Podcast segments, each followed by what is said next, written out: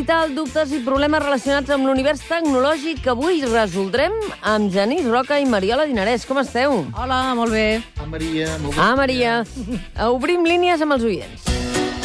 Envia'ns un correu electrònic a matí arroba catradio.cat.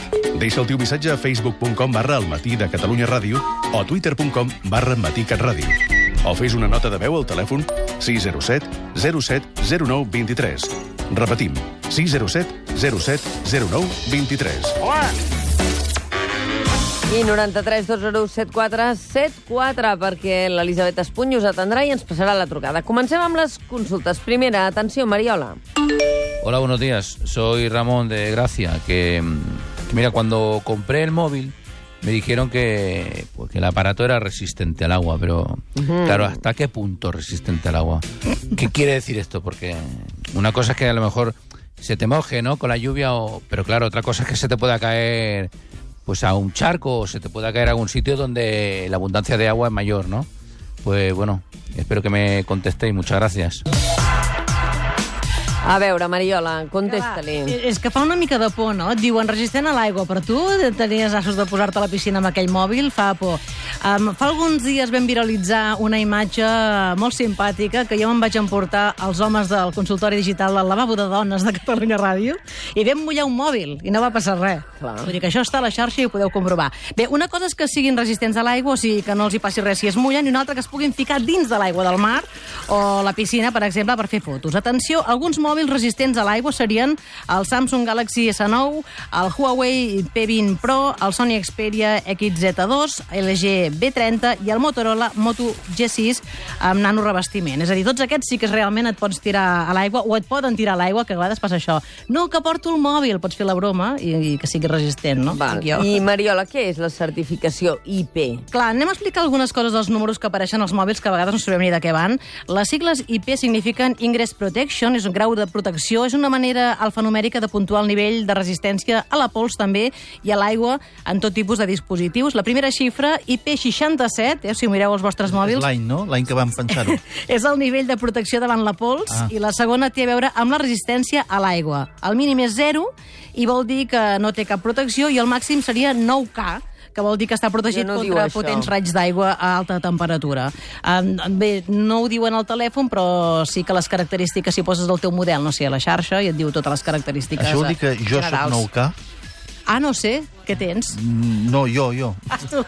Estaria bé ser. Sí, sí, és veritat. Una persona és 9K. Tens raó. Bé, no, no sé, però cada vegada hi ha molta gent que es decanta, eh? Si li venen un telèfon i dir que és resistent a l'aigua, hi ha molta gent que es decanta per això, per aquesta característica.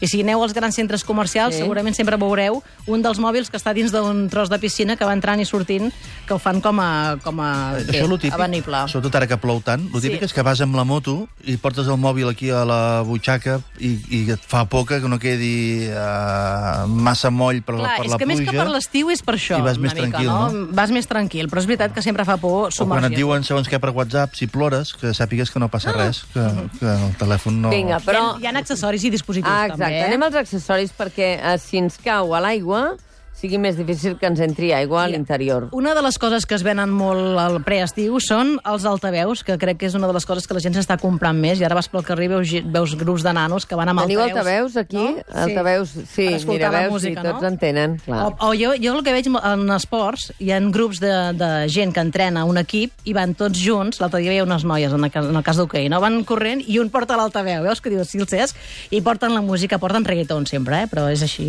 Bé, ja, ja, però vols dir que una va aguantant Clar, una l'aguanta, que són aquestes barres. Per exemple, en el cas d'una proposta que ens fan des de Toyo d'Android, parles els altaveus Ultimate i els Mega Boom. Aquesta, aquests altaveus, per exemple, els pots tirar dins de la piscina mm. i, i no passa res, una, un exemple, no? Però no cal, eh, fer un esport No, nacional. no, no, no, no, no, però bé que... Eh, si et cau, eh, mira... Mm. Bé, i no, dir-vos, ja que parlem de, de coses d'aquestes, nosaltres avui fem un consultori de televisors, perquè clar, arriba el Mundial i la gent es compra les teles. Què dius? I hem preguntat a gent d'esports de Catalunya Ràdio a veure qui el té més gran. És a dir, els hem preguntat les polsades. Fem un rànquing de veure qui la té més gran.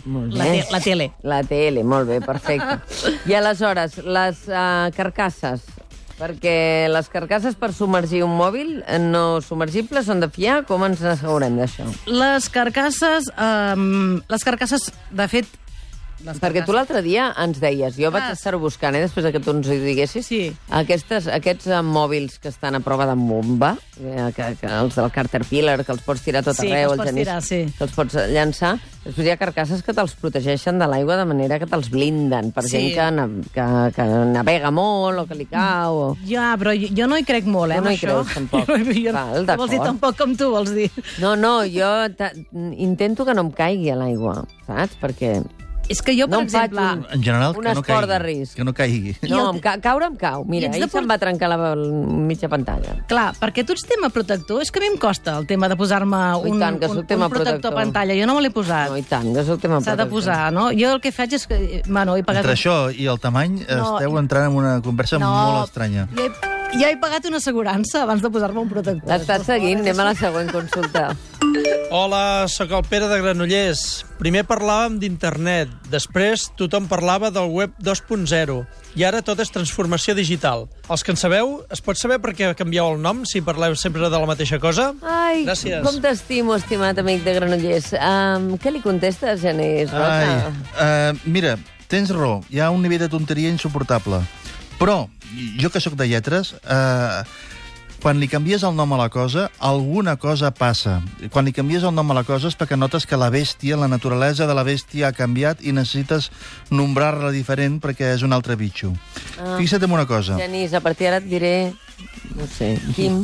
Quim, si notes que canvio molt, Quim Jong-un. eh, em pots canviar Avui és el nom de moda.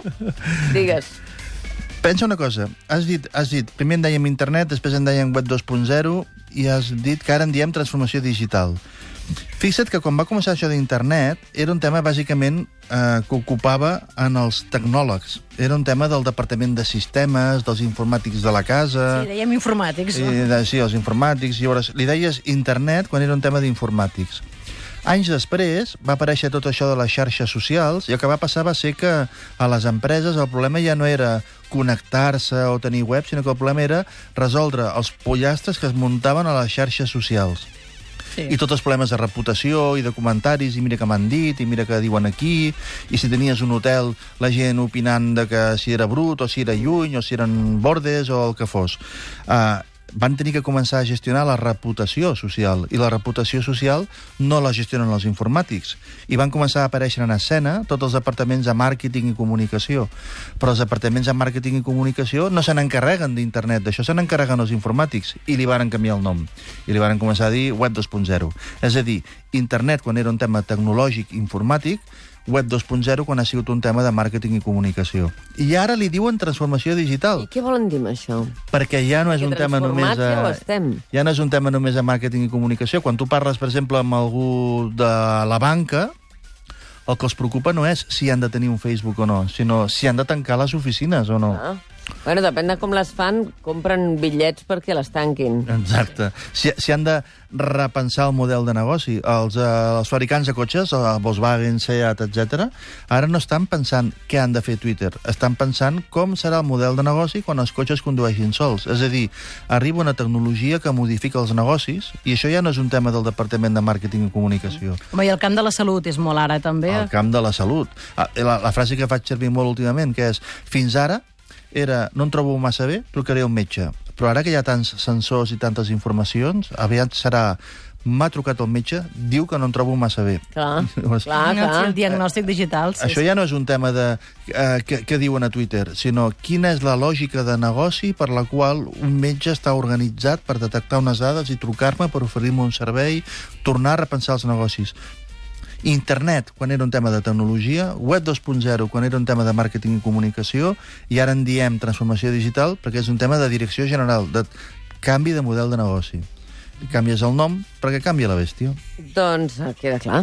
Pues no, no et canviarem el nom, eh, Genís, perquè Genís és un nom bonic. Eh que sí? Molt bonic. Esperarem a, a l'Albert Cuesta per respondre a una consulta que hi ha d'un Samsung. Què el Sí. tens, vigilant? Uh, viatjant por ahí i vigilant les, les novetats, o què, Genís? Tenim tota la banda Estan treballant, estan alber- treballant. albertiana Sí. eh, distribuïda. Els dos, Home, los Albertos? Els, dos, els Albertos. Mira, El Murillo, per exemple, està a la roda de premsa del Game Lab, que es farà del 27 al 29 de juny a l'hotel Esperia Tower, i és un tema molt de videojocs que és Sí. molt... Dia important per l'Albert. Molt important per ell i, per tant, Doncs és una, una, una de les cites. I el Quest, i el Quest el tenim viatjant també. Va, tots dos, com sempre fan, atents a qualsevol novetat del seu tema. Ah, I, exacte. I deixa'm dir una cosa, ara que parlava de transformació digital i tu, Mònica, has estat aquest cap de setmana a les presons, ho dic perquè nosaltres estem preparant també un tema sobre de quina manera s'han d'actualitzar les presons, no? Perquè és veritat que... Mira, jo vaig pensar en vosaltres, eh? Sí, perquè... jo hi vaig aquesta tarda a Brians 2, no? per parlar amb presos, un dels presos que ha entrat abans quan no existien ni xarxes socials, i no sap què és, però Ja. clar, l'han de reinsertar i l'han d'explicar també, no? Allà es van produir una situació bastant curiosa, que és, vam anar al Calameco i a Estremera. Al Calameco